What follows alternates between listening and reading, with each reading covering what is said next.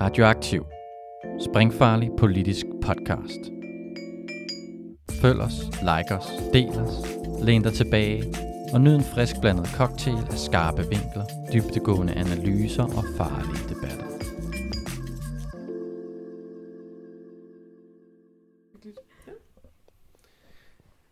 Hej, og velkommen til anden episode af Svenske Tilstanden. Mit navn er Søren, og jeg sidder her på et hotelværelse i Malmø, sammen med Ditte. Og jeg er ny her i Radioaktiv.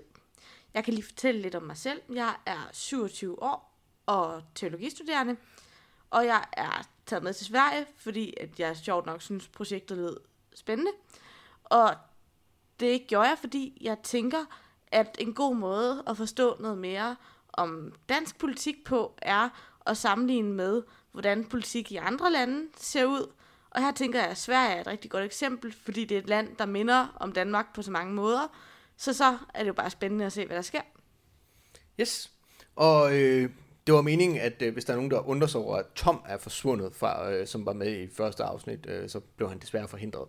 Så øh, nu er det bare mig og Ditte, der sidder øh, på et øh, hotelværelse i Malmø, og øh, har lavet øh, valgkampsdækning det meste af dagen, og nu sidder og drikker vores øh, systembolaks øh, indkøbte øl, og prøver at få samlet lidt op på, øh, på dagen. Øhm, Ja, så jeg kan jo starte med at spørge dig, Søren. Hvad har vi lavet i dag?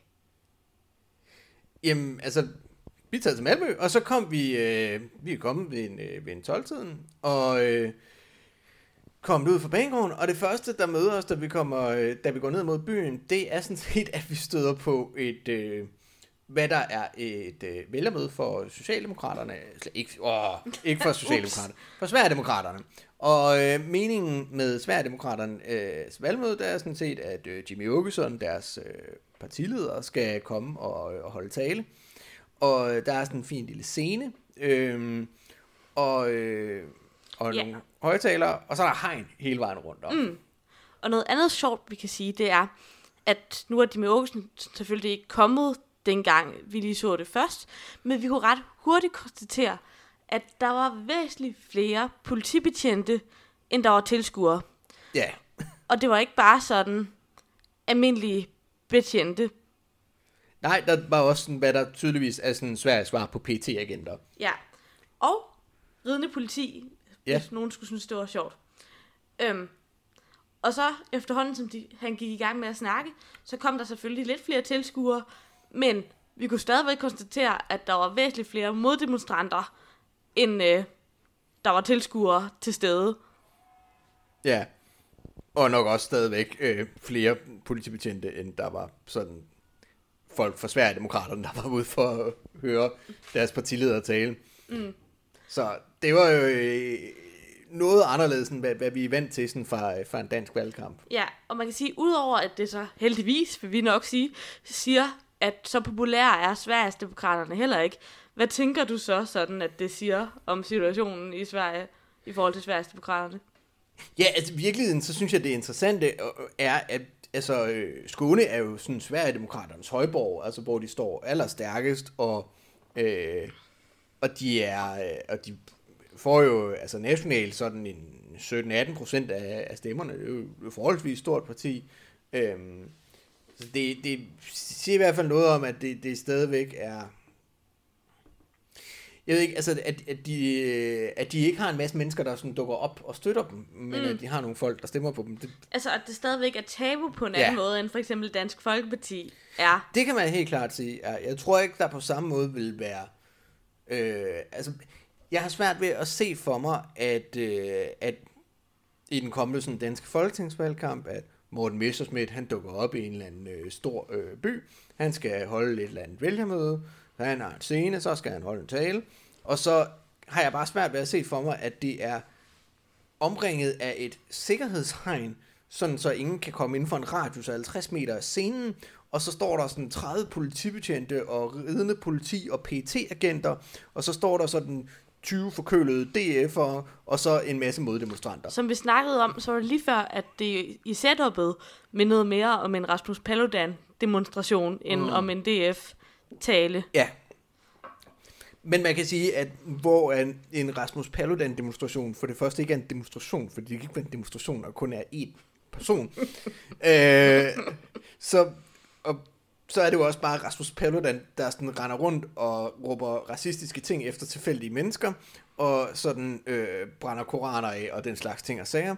Øh, hvor man kan sige, øh, på papiret, så, altså det, det mest normale ved det der, det var jo ligesom det, som Sverigedemokraterne gjorde. Altså, det var sådan, det var, at de holdt et, de holdt et, ligesom, et, øh, der var noget konferencier, der var lige lidt musik, og så var der tale. Og det er jo sådan rimelig standard. Altså, Ja, bortset fra, at jeg lagde mærke til, at det var en meget, meget kort tale. ja, det er Og rigtigt. det var også interessant. Altså, der var blevet skrevet en valgsang til dem. Den blev afspillet, og så var der de med Åkesson, der holdt en meget skarp, en meget kort tale, der var sådan ret, den var prøvet tydeligvis at være, sådan lidt skarp, og øh, have lidt, øh, lidt svung i sin øh, retorik. Jeg tror, at han fik sagt noget med, at nu kunne man jo enten stemme på Sverigesdemokraterne, eller vente på, at landet gik ned som Titanic. Og det. Ja. var vist lidt det, der var budskabet, og så egentlig ikke så meget mere. Ja, Øhm, og så noget andet, jeg bemærkede, der var sjovt, var også, at det ret hurtigt viste sig, at et hvert godt, bare nogenlunde progressivt ungdomsparti med øh, respekt for sig selv, skulle dukke op og sige buh, sådan helt rituelt. ja. Ja, det var bare sådan, øh, altså det var, øh, i høj grad øh, var det Unge Venstre, øh, der stod der. Men der var også nogen fra sådan øh, Centerpartiets ungdom og nogle øh, unge socialdemokrater og sådan noget. Der var sådan lige lidt, lidt af hvert. Og øh, at det, det var bare sådan, så dukker man bare op, og så har man et banner, hvor der står nej til racisme, og så hver gang, at der er en sværdemokrat, der siger noget, så, øh, så buer man. Ja, og jeg har tilfældigvis en svigerinde, der er svensk og venstreorienteret, og hun fortalte en gang mig, at det er bare sådan helt standard i Sverige, at når der enten er nogen fra den ekstreme højre, øh, eller fra sådan de højre ekst- For, for, for Sverigedemokraterne eller andre partier på den ekstreme højrefløj. ja, det hedder det vist. Jeg tror, det jeg prøvede at sige var enten nogle højre ekstreme partier, eller andre fra den ekstreme mm. højrefløj. Så er det helt standard, at selvfølgelig gør man det som progressivt parti, at man dukker op og viser flaget, og viser, at man er antiracister. Og, og her betyder progressiv simpelthen bare til alt til venstre for, sådan, for højrefløjen. Ja, Så det er jo også så midterpartier. det skal man så vide, at det er bare sådan en helt standard ting, man bare gør. Og her kan vi jo så også spørge, at det, hvad, hvordan, hvad skyldes det? Altså både, at øh, Sverigesdemokraterne bliver behandlet på den måde, de gør, og den måde, som øh, flertallet af svenskere, kan man vel nærmest sige, reagerer på den. Er det bare fordi, at de er øh, bare meget mere antiracistiske, end øh, vi er i Danmark, eller er de bare meget mere forskrækket, eller hvad handler det lige om? Altså, jeg tror grundlæggende, at øh, det handler om, at, at Sverigedemokraterne er et parti, som er noget andet end Dansk Folkeparti, og for den sags skyld også Nye Borgerlige. Øhm, altså, det er jo meget mere et, øh, et land, som er, altså et, et, et parti, som er forankret i, i øh, altså sådan i sådan nynazistiske grupper og, og så videre, har sit udspring øh, der. Så det er jo en, øh, en ekstrem højrefløj, på en måde, som vi, som vi ikke helt kender fra, øh, fra Danmark, så det, det er en helt anden øh, problematik. Altså vi, vi har, øh, det er jo ikke fordi, at vi sådan generelt opfatter sådan Dansk Folkeparti som sådan nogle øh, sådan medlemmer, som sådan nogle, der generelt går rundt og overfalder deres politiske modstandere på gaden med et baseballbat eller fejre jubilæet for invasionen af Polen. Ja, som vi fik nævnt i sidste episode, så var der en fra Sverigesdemokraternes kontor på øh, i Rigsdagen, som havde besluttet sig for, at øh, jubilæet for Hitlers invasion af Polen, det skulle fejres med kaffe og kage. Så så kan man få lidt en fornemmelse af, hvad de er for nogle størrelser. Ja. Så, men det var interessant. Ja. Og vi tænkte jo selvfølgelig, at nogle af de her moddemonstranter, dem skulle vi da snakke med, så vi fandt de mest venstreorienterede, vi lige kunne finde. Vi, vi fandt nogen fra nogle Venstre. Øh, og noget, der var, der var lidt sjovt ved det, det var, at, øh, at vi måtte jo starte med ligesom at på en eller anden måde at få legitimeret os selv. Øhm, øh, og altså, de, og ja, Solidaritet har ikke lige noget, nogle pressekort, vi har fået med, så det var også noget, som måtte vi jo ind på hjemmesiden og finde et, øh, øh, at øh, jeg var på listen over skribenter, og der var et billede, og så kunne de se, at jamen, det var mig, jeg var rent faktisk tilknyttet det her venstreorienterede medie. Men det her med, altså frygten for, altså er det, er det i virkeligheden altså sådan infiltrator eller spioner, eller et eller andet, som er tilknyttet den, den yderste højrefløj, er nok noget, som er noget, man arbejder mere med i Sverige, end man gør i Danmark. Og det viser jo også igen, at det ligesom bare er nogle andre fronter, der er trukket op, end vi ja. er vant til derhjemme. Og jeg vil igen, meget gerne understrege, at de her moddemonstranter, det er, altså det er ikke som i nogle gange, når der har været sådan... Øh, altså det, det, det er altså ikke ligefrem sådan et AFA-projekt, det her, hvor at, øh, nu jager vi nazisterne ud af byen med, med molotov-cocktails. Det, altså, det var bare et, øh, en, en flok helt almindelige sådan, øh, unge øh, sådan politisk aktive, der var dukket op med et banner og råbte øve. Ja. Som man nu gør når man er utilfreds. Men øh, vi prøvede lige at snakke med lidt med dem, og prøve at få deres øh, bud på, øh, på sådan, hvorfor, at, øh, altså, hvorfor det er så anderledes i, øh, med Sverigedemokraterne, end det er med Dansk Folkeparti og sådan noget. Og øh, det øh, klip synes vi øh, lige, I skal få lov til at høre, og så prøver vi lige at snakke lidt om det. Okay, um, so Alexander, can you tell me what's going on here? Uh, so Sverigedemokraterna is holding a, a meeting here at Stortorget, yeah. and we think they are a racist and transphobic and homophobic party. So we want to show that we disagree with them. Yeah, cool. It's uh, it's very unnormal for in Denmark. We, we don't usually have these uh, protests uh, yeah. against uh, right wing parties. Uh, you think that's because uh, you have a different strategy on the left in Sweden, or because the Sweden Democrats are just worse than, for example, Danish People's Party? Uh, I mean, as far as I know, Danish People's Party it wasn't founded with the same background like in Nazism, to the same extent at least. Yeah. So that might be an effect, but I also know that like when Paludan, Rasmus Paludan, yeah. Uh, yeah, yeah, yeah. Uh, shows up, that there's less counter protests in Denmark compared to Sweden. Yeah. So it might also be like a difference of strategy. Okay. Cool. Do you, are you concerned that um, they might get political influence after the election? Yeah, I am. It's it's very close between blocks, so I am worried that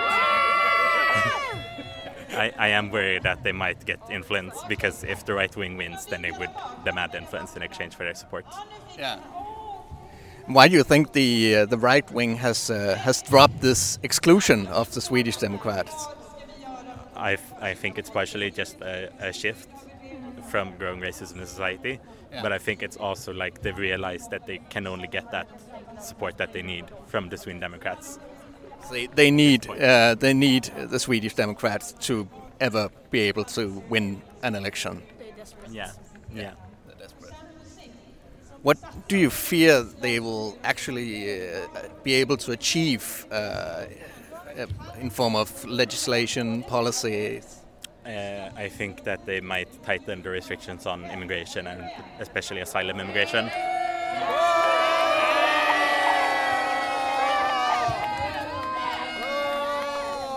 So, so yeah, especially asylum immigration, and then there's also some of their LGBT policies, like they're against generally like LGBT education in public sector and stuff, and they also want to increase the minimum age for trans healthcare to 25. And I don't trust that the right wing cares that much to not let let them do that because.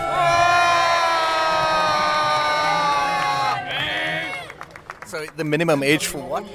For trans healthcare, like transition, ah, like yeah. hormone therapy. 25. They want to raise it to that. Holy shit. Yeah. What's it now? Uh, now it's there's no law on it, but in practice it's 18. Okay. And it used to be lower. They raised it like the the government agency raised it. It wasn't a political decision, but as they want to raise it 25. And I'm concerned that like Swedish politics overall doesn't care that much about LGBT politics. Ah. And with the current mood in society, I don't think the right wing will put up enough resistance to that. They might use that as a bargaining chip and let that go through. Okay. Thanks. Um, and I think uh, a lot of people in Denmark have this idea that what you're doing right now might be counterproductive. You know, uh, protesting against uh, the racists uh, kind of elevates them, gives them a platform, gives them sympathy. Um, what do you say to this argument? I'm not sure. I, I don't think that they gain power exclusively because people oppose them. No. I, I think they might have it might have been like that in 2010, like them gaining because they feel that they are underrepresented. But now there's not a lack of racism in Swedish politics. Okay. I think they're growing because it's the politics people want. Yeah. Thank you. Yeah.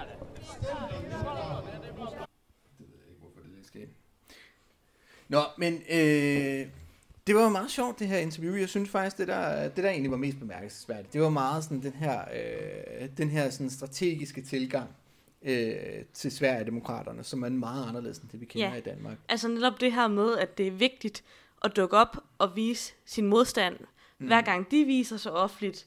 Ja.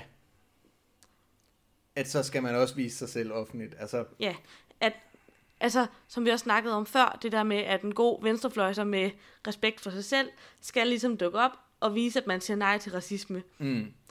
Hvor, Fordi så får man ikke normaliseret det. ja, hvor i Danmark, der har vi jo sådan traditionelt måske lidt mere, i hvert fald haft lidt mere uenighed om strategien, hvor der lige så meget har været den her fortælling om, at jamen, det der højere ekstreme, det skal tige ihjel, og det fortjener ikke engang, at vi reagerer på det. Det er faktisk bare at gå deres ærne, fordi så får det mere opmærksomhed. Ja. Og det, altså det, nogle gange så, øh, altså, så bliver det selvfølgelig brugt mere det argument, hvis det handler omkring sådan voldelig modstand mod, øh, mod nazister og fascister.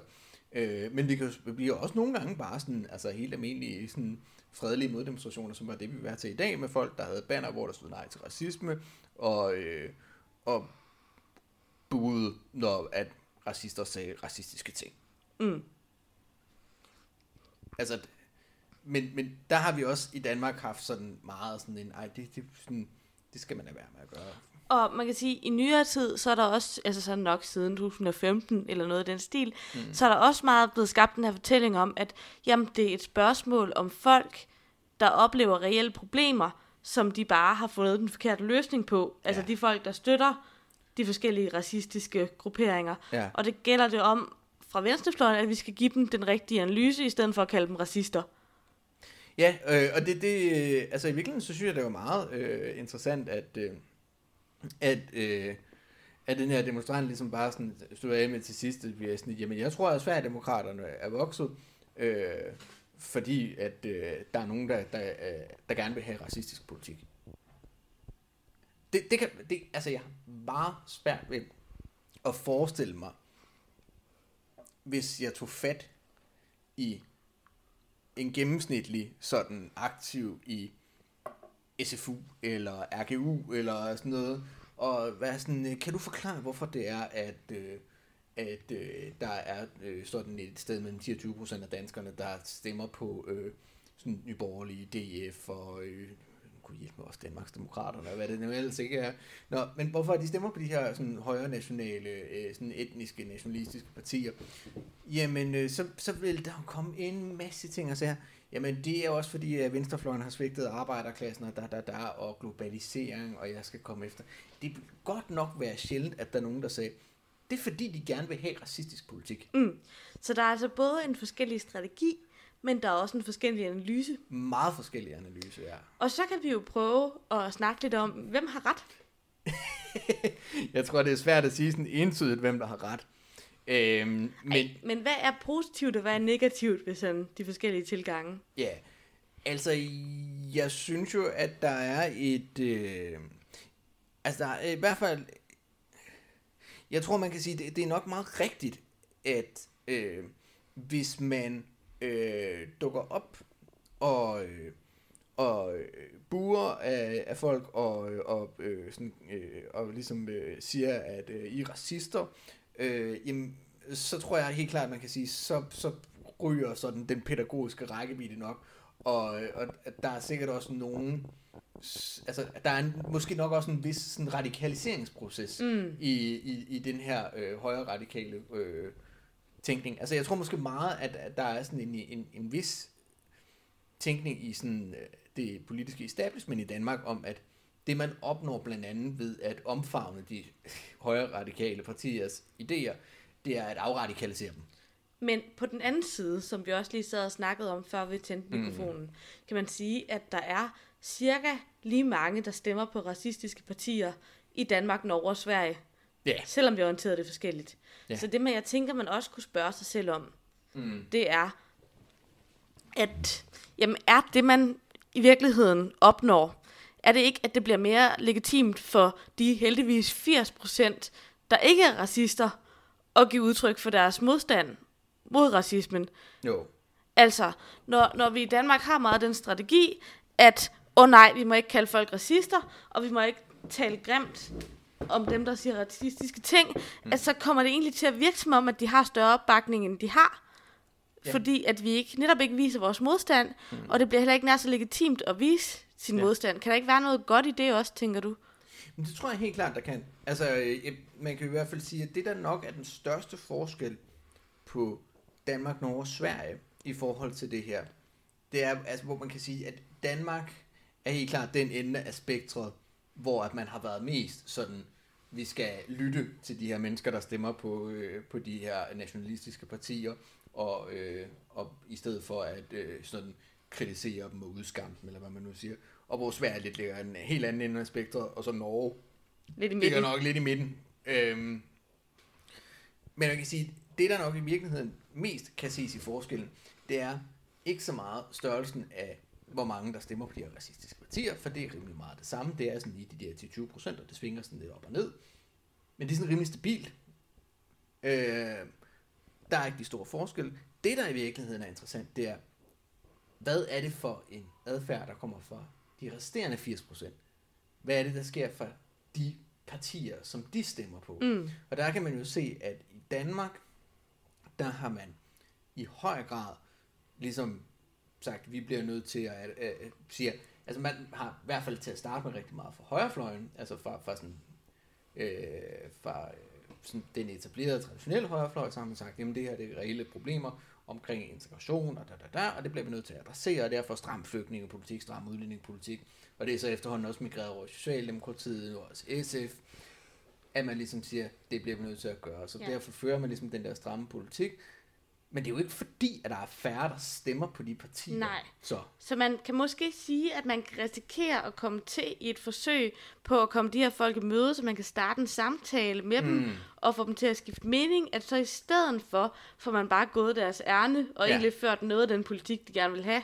Jamen, det er jo virkelig interessant, fordi det er sådan, at, er der egentlig så mange andre partier, hvor at den logik gør sig gældende. Altså, det er jo ikke sådan så, at folk tænker... Altså, jeg, jeg tror, de... Særligt dengang, at Liberale Alliance var nye, så var der nok mange i det politiske system, der vil sige, at deres politipro- øh, partiprogram, det er fuldstændig vanvittigt, det er problematisk. Men altså, det er jo ikke sådan, så folk er sådan lidt, Nå, jamen, så bliver vi også lige nødt til at fyre 50.000 offentlige ansatte og, øh, og, og afskaffe topskatten og afskaffe øh, selskabsskatten, sådan for at Kunne snakke for, med dem. At kunne snakke med dem og sådan afradikalisere dem. Altså, det gør man jo ikke. Altså, ligesom Og heldigvis da. Ligesom vel som, at der heller ikke er nogen, der reagerer på, at der er sådan 7-8% af danskerne, der stemmer på enhedslisten ved at vise, åh, oh, så bliver vi sgu nok også nødt til at nationalisere nogle produktionsmidler, fordi, uff, hvad da da. Selvom det er den kunne være eneste- meget fedt. eneste måde, vi kan have en dialog med dem på. Altså, det er sjovt, det, det er sådan kun ved altså sådan nationalisme, at man tænker, at det kan løses på den måde.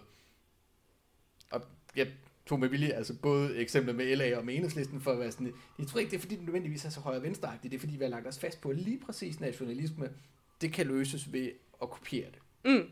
Så vi kan måske komme frem til, at øh, svenskerne har en pointe i den måde, de håndterer racistiske partier på, i hvert fald til en vis grad. Ja, for jeg vil sige, der hvor at det jo så går fuldstændig galt, det er jo så det, der sker i det politiske system. Fordi når man så har taget konsekvensen af det og sagt, vi vil ikke have et, øh, en borgerlig regering, som regerer på Sverigedemokraternes stemmer, så ender man jo med at få en opskrift på et parlamentarisk og politisk kaos. Altså, Sverige er gået fra at være et af de mest stabile politiske lande og velfungerende lande i verden, til at blive sådan, altså, det er jo, det er jo efterhånden nærmest lige så dysfunktionelt som Italien eller Belgien, altså, og det er jo fordi, at man bliver nødt til at have den der prøver at holde Sverigedemokraterne udenom, og så er det sådan, der er jo egentlig et flertal for en borgerlig politik, men den lader vi ikke skinne igennem, og så bliver man nødt til at lave alle mulige fikumdik med, at så stemmer vi for regeringens finanslov, selvom der egentlig faktisk ikke er flertal for den og sådan noget. Og det viser sig meget hurtigt at blive uholdbart. Mm. Og det tænker jeg, det leder meget godt hen til, at vi kan snakke lidt videre om sådan, hvad sker der ellers i Sverige? Ja. Hvad sker der ellers i Sverige? Ja, fordi da vi var færdige med at stå og kigge fascineret på, hvordan folk håndterede Sveriges demokraterne, mm. så skulle vi også videre. Så så gjorde vi det, at vi gik fra et torv til et andet.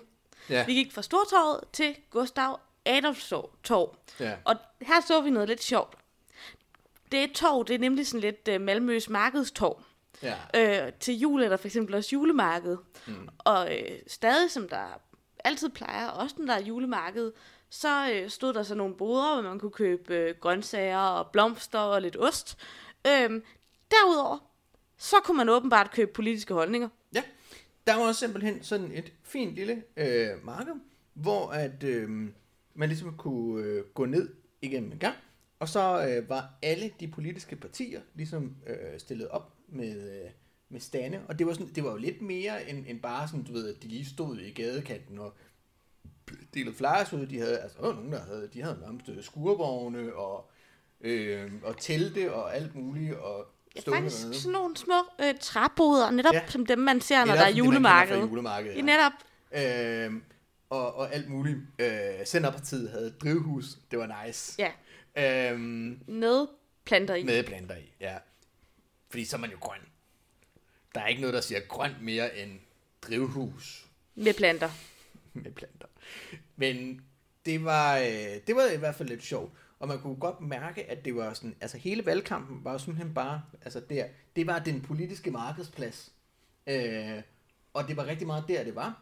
Og så kunne man jo ligesom komme derhen, hvis man gerne ville have sådan partimateriale og snakke med alle de her øh, partier og politikere osv. Men det betød også, at de ikke var sådan ud over hele byen. De stod der, og Ja. så var det der, de var. Men så stod de der til gengæld også ja. det meste af dagen. Det gjorde de, ja. Og, øh, og det var jo også den måde, vi ligesom arbejdede med at prøve at finde nogle, øh, nogle interviews. Øhm, Og hvem var så de første, vi lige tænkte, at øh, dem ville vi gerne prøve at snakke med? ja, det var øh, selvfølgelig, altså det første, vi overhovedet ser, da vi dukker op, det er selvfølgelig Sveriges Kommunistiske Parti. Og så tænker vi, dem bliver vi jo selvfølgelig nødt til at snakke med. Fordi, hvordan kan det være, at man rent faktisk kan have et godt gammeldags kommunistisk parti, der stiller op til parlamentet? Ja. Og øh, der prøver jeg lige, og der øh, interviewede jeg en af deres øh, kandidater, og øh, lad os lige prøve at, at høre, øh, hvad han øh, havde at sige. Okay. Uh, can you introduce yourself? My name is Victor Diaz de Filippi, and I'm a member of the Communist Party of Yes. Sweden. Um, can you tell our listeners what is the Swedish Communist Party and uh, and, and why are you running um, as an independent party and not as in Denmark as part of the broad left? Uh, well, uh, we can say this: uh, for a Communist Party, the most important question is the question of socialism, as always. That is the broad question, uh, and how we get there. And if we look at the left parties, they never speak about socialism. They never lift up the question of class antagonism and things like that. Everything has become reduced to equality, justice, and all of those things, which doesn't mean anything if you don't put it into some kind of context. Uh, so that's why we always go as an independent party. The second thing is we always say this: okay, it's good to vote for us. You're you're starting to break with capitalism, but the most important thing is to organize yourself. If you want something, you have to work for it. So if you vote for us, we're not going to say, "Oh, we're going to solve all your problems." No, you have to understand that the only one that can solve your problems is you. Together in a collective, and we are fighting for the things you want to fight for. Uh, do you so you normally run to uh, the parliamentary elections? Yes. Um, what kind of results do you usually get? Ah, In Sweden, the Communist Party is very small. Uh, it's like that in the Nordic countries. Uh, Finland, it's a bit bigger, uh, but you know the party in Greece and other places are very big. So we're an international movement in that sense. But Yeah. in Sweden, unfortunately, we're not that big. Um, what do you think? Uh, what's your main, uh, you know, platform for, for the election? What's your most important issues? Well, that's like I said. I mean, the question is always about socialism, how to get there, and then after that we have smaller questions, uh, you know, day-to-day life uh, questions, and uh, all of them are important. All of them are important. As Lenin once wrote, "You never know which question will be the important one that will get you to the revolution." So you, all questions are important. And today, for example, we have the environment, we have uh, the prices on uh, electricity, uh, the inflation, and all of those. The question about NATO, and so so there are many, many, many questions that has to be, debated. And you know, people come here and then ask very different questions. So it's impossible to say, oh, people ask the, this is the most important question. They ask no, they ask about everything basically. Uh, you mentioned the uh, the issue of NATO. Um, how has the left uh, handled this whole uh, NATO Ukraine war uh, issue? Well, this is an embarrassment because the Social Democrats and even the Left Party, uh, the Social Democrats says yes to NATO now, uh, and the Left Party says no, but yes at the same time because they say that oh well, in the Parliament we have now taken a decision and we have to respect that decision, which means that you really don't have a position outside of uh, the majority decision. So of course it's embarrassing, uh, and it's embarrassing the way that uh, you have pushed into a, a membership in NATO, because what they have done, there was always a consensus. First of all, it had to be a referendum. Secondly, it had to be in a time where there weren't any uh, conflicts in the near area, so people would be, you know, uh, not so emotional about the question, and and they broke against uh, against that consensus. And then the third, they said that people were stupid; they didn't understand the question. That that was what they said in the television. So so it was. Uh, As an argument to not yeah, have a referendum. to, not have a referendum. Uh, reality is that if they were so convinced that the majority would want to be in membership in NATO, have a membership in NATO, of course they would have held that referendum. That just speaks uh, volumes uh, about their, they're afraid that people are going to vote no. So our position is always it doesn't matter if Sweden is a member of NATO or not. We're always going to fight against NATO. Okay. What's your expectations for the election uh, tomorrow? Oof. I think that doesn't matter which block wins, the working class is going to lose. And with that happy note, I think we'll uh, we'll end it here. Thank you very care, much. uh, take care of yourself. Søren, det var da lidt af en herre, du fandt der. Og udover at være øh, meget øh, veltalende og øh, underholdende at høre på, hvad har du så også at sige om ham? Ja. Ej, han var, han var virkelig, øh, virkelig sjov at snakke med, fordi han, altså, som siger, han var utrolig vel, øh, veltalende og, øh, og, øh, og rigtig god til at, til at sælge øh, projektet. Og det er ikke nødvendigvis et nemt projekt at sælge. Nej, øh, altså jeg vil sige, og når man starter med at, øh, at, øh, at sige, pff, retfærdighed, lighed, hvad fuck skal vi bruge det til? Der er ikke nogen, der snakker om socialisme. Alle skal bare snakke om sådan noget med ulighed og uretfærdighed, og hvad skal vi bruge det til? Ja. Hvorfor siger manden sådan? Øhm, jamen altså, det her det er jo godt gammeldags øh, marxistisk-leninistisk parti, hvor man har en øh, en meget sådan solid, øh, sådan materialistisk øh, historieforståelse og et meget skarpt sådan fokus på øh, klasseanalyser og klasseinteresser som det, der er det relevante. Her kan man også lige lægge mærke til, at han selv nævner, at øh, et af de eneste ordentlige kommunistpartier, der stadig findes i verden, det er faktisk det græske. Mhm. Vi ser det græske kommunistparti. Så altså for det første, det er ret imponerende, fordi de får sådan noget 5-6% af stemmerne. Øh, på trods af, at altså, vi snakker om et kommunistparti, der, øh, der stadigvæk har en sådan forholdsvis sådan positiv udlægning af sådan Stalin. Altså, det er ikke sådan, Sovjetunionen gjorde også mange fine ting, men der var nogle dårlige ting. Det er sådan, er Stalin? Han var guttermand på nogle punkter. Mm. Og nu skal det jo ikke handle om Grækenland, men det er bare for lige at sige, hvor det er, den her mand, han egentlig står rent analytisk. Ja, og hvad, hvad det er for sådan en kommunistisk tradition, han ser sig selv i. Øh, men det var faktisk lidt sjovt, fordi vi var inde, jeg var inde, fordi jeg lige skulle have fat i, hvad det egentlig var, han hed, og prøve at finde ham på valglisten. Øh, og vi kunne konstatere, at øh, ud af øh, Sveriges Kommunistiske Partis i alt 24 kandidater til rigsdagen, som man kunne stemme på i Malmø Kommune, så var de fire af dem havde græske navne.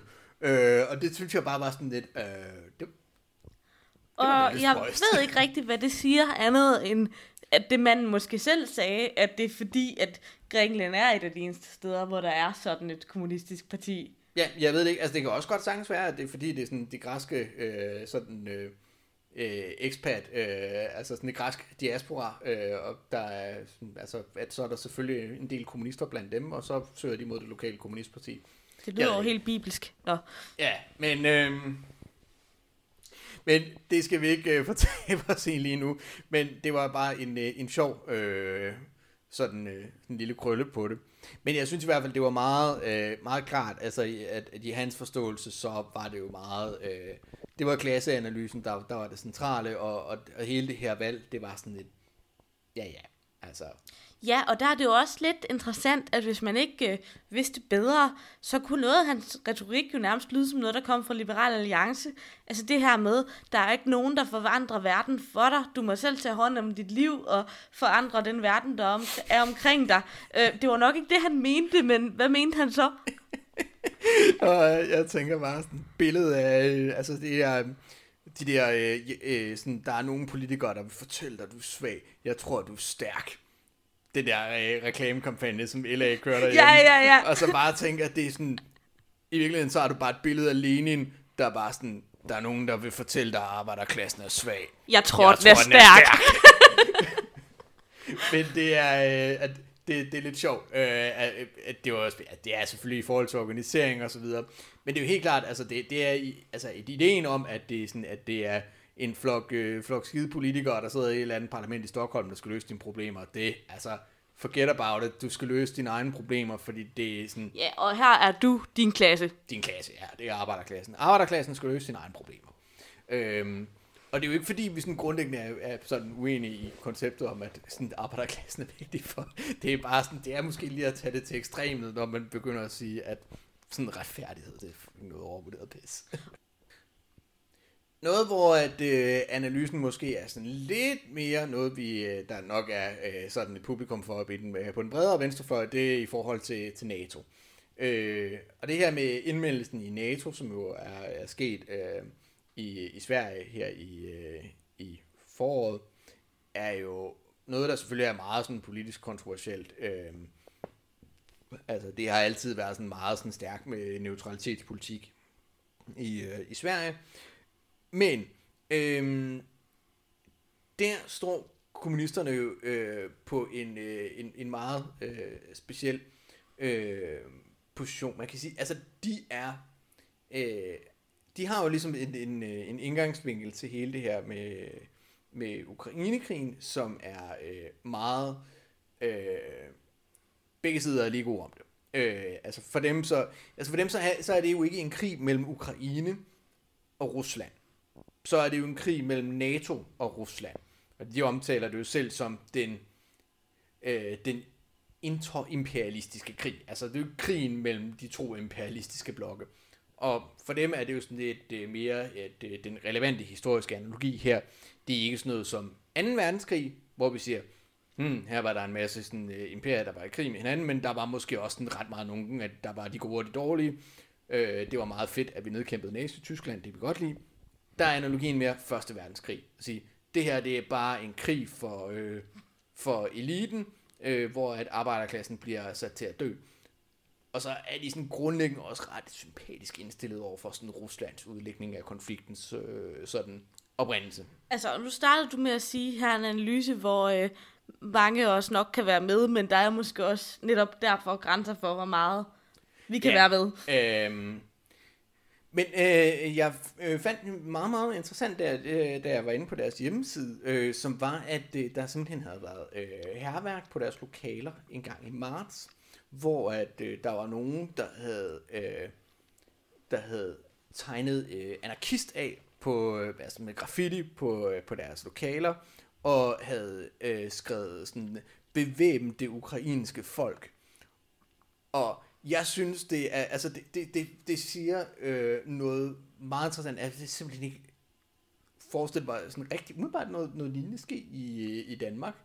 Øhm, altså selvom der også kan være masser af uenighed på venstrefløjen omkring, hvordan man anskuer Ukraine-konflikten, så synes jeg, det er virkelig altså sådan sjovt at se sådan, okay, for hvad er det sådan anarkistisk sådan graffiti på sådan det super beton agtige kommunistpartis lokaler, og det er bare sådan, hvad er bevæbne det ukrainske folk. Det, det, jeg synes, det, det, er en, det er en interessant historie, sådan Og- det der er stået på. Og nu vi er ved de sjove noter, så kan vi også sige noget andet sjovt om det anarkistiske parti, fordi det er faktisk sådan, at de er opstillet til valget.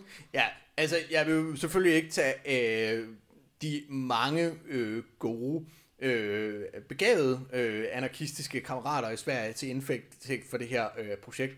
Men der er simpelthen nogen, der kalder sig anarkisterne, der er opstillet til det svenske rigsdagsvalg. Og jeg vil gerne sige, jeg er ikke anarkist, men jeg synes måske, I skulle overveje sådan, om I skulle sådan indlevere jeres sådan, anarkist-certifikat et eller andet sted. Fordi der, der, der er et eller andet, de har Så hvis der sidder nogen af jer derude og lytter med, så vil vi meget gerne høre fra jer og vide, hvad jeres tanker lige var med at stille op til valget. Ja, Men øh, spøj til side, altså, øh, nu tænker jeg, nu, øh, vi kan godt blive enige om, at det vi fandt her med vores øh, kære kommunist, måske lidt var sådan noget, der for os virkede lidt som et historisk levn. Øhm, er det bare fordi, øh, alle det blev stillet op til svenske valg er sådan lidt skøre, eller hvordan kan det være, at vi kan møde sådan en nede i en valgbod?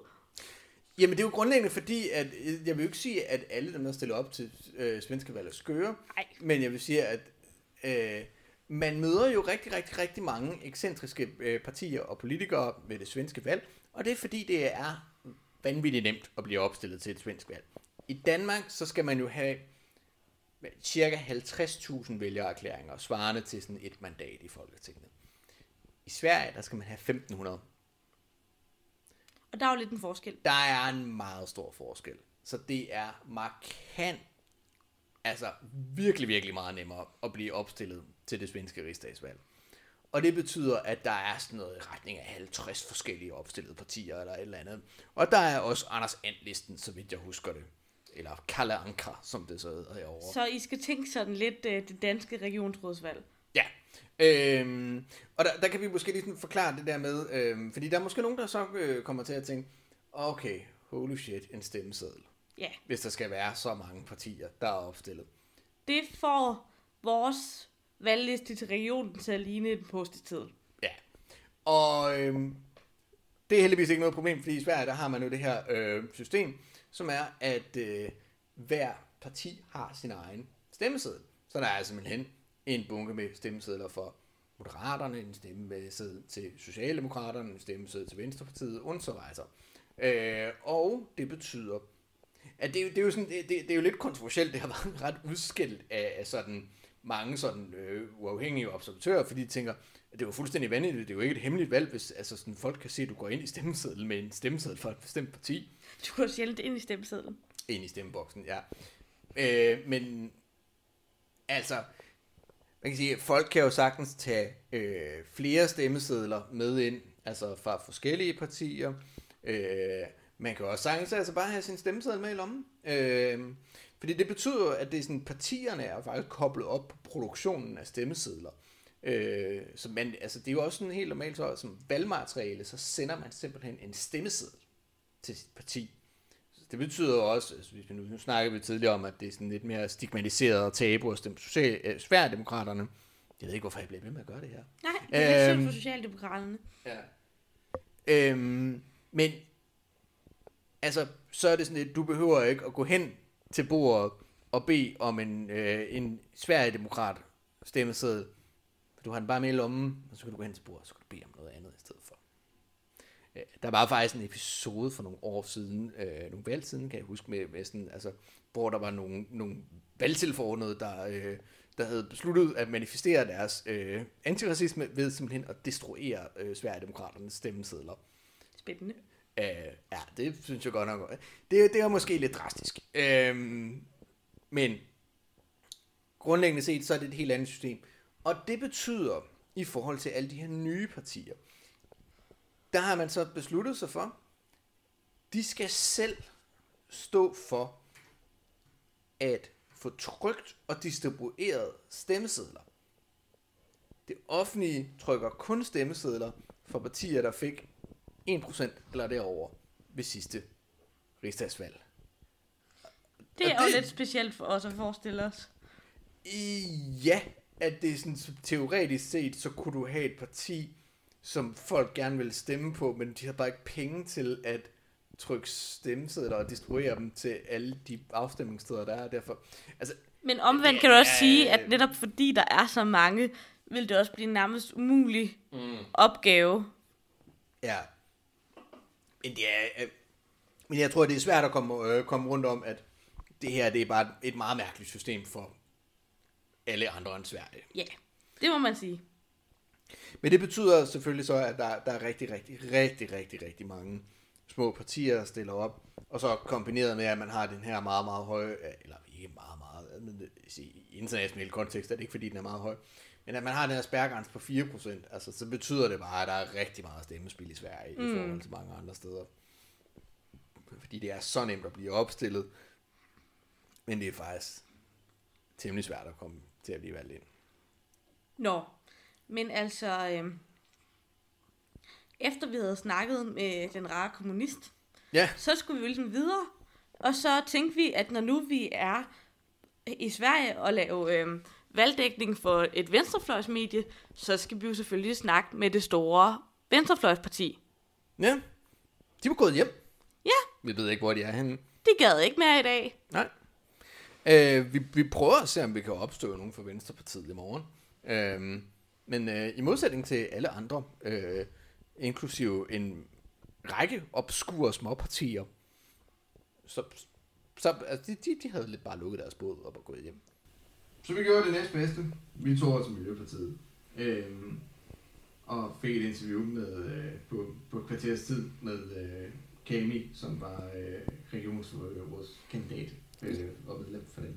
Ja, og det interview, det kan I så få fornøjelsen af at høre i morgen, hvor vi øh, laver et afsnit mere, der kommer til at fokusere sådan lidt mere på lidt længere interviews med partierne. Og her håber vi jo som sagt også på at få Venstrepartiet med, hvis vi kan finde dem. Hvis vi kan finde den. Ja. Jamen, øh, så siger vi i hvert fald øh, tak for nu. Og øh, så tror jeg øh, efterhånden, øh, efter en, øh, en, en lang dag med at drømme rundt i Malmø, at øh, vi vil sige øh, tak for i dag. Ja. Og øh, gå i seng. Så godnat til jer derude. ja.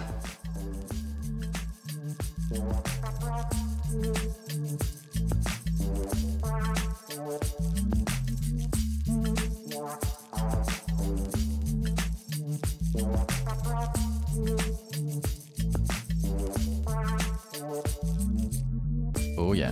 Inden du smutter, husk nu lige at følge Radioaktiv. Vi er på Facebook, Twitter, på SoundCloud eller i din podcast-app. En række af vores podcasts udkommer også som video på YouTube. Du må også gerne dele os med dine venner. Hvis du er ellevild, så kan du gå ind på solidaritet.dk og blive medlem af vores medie.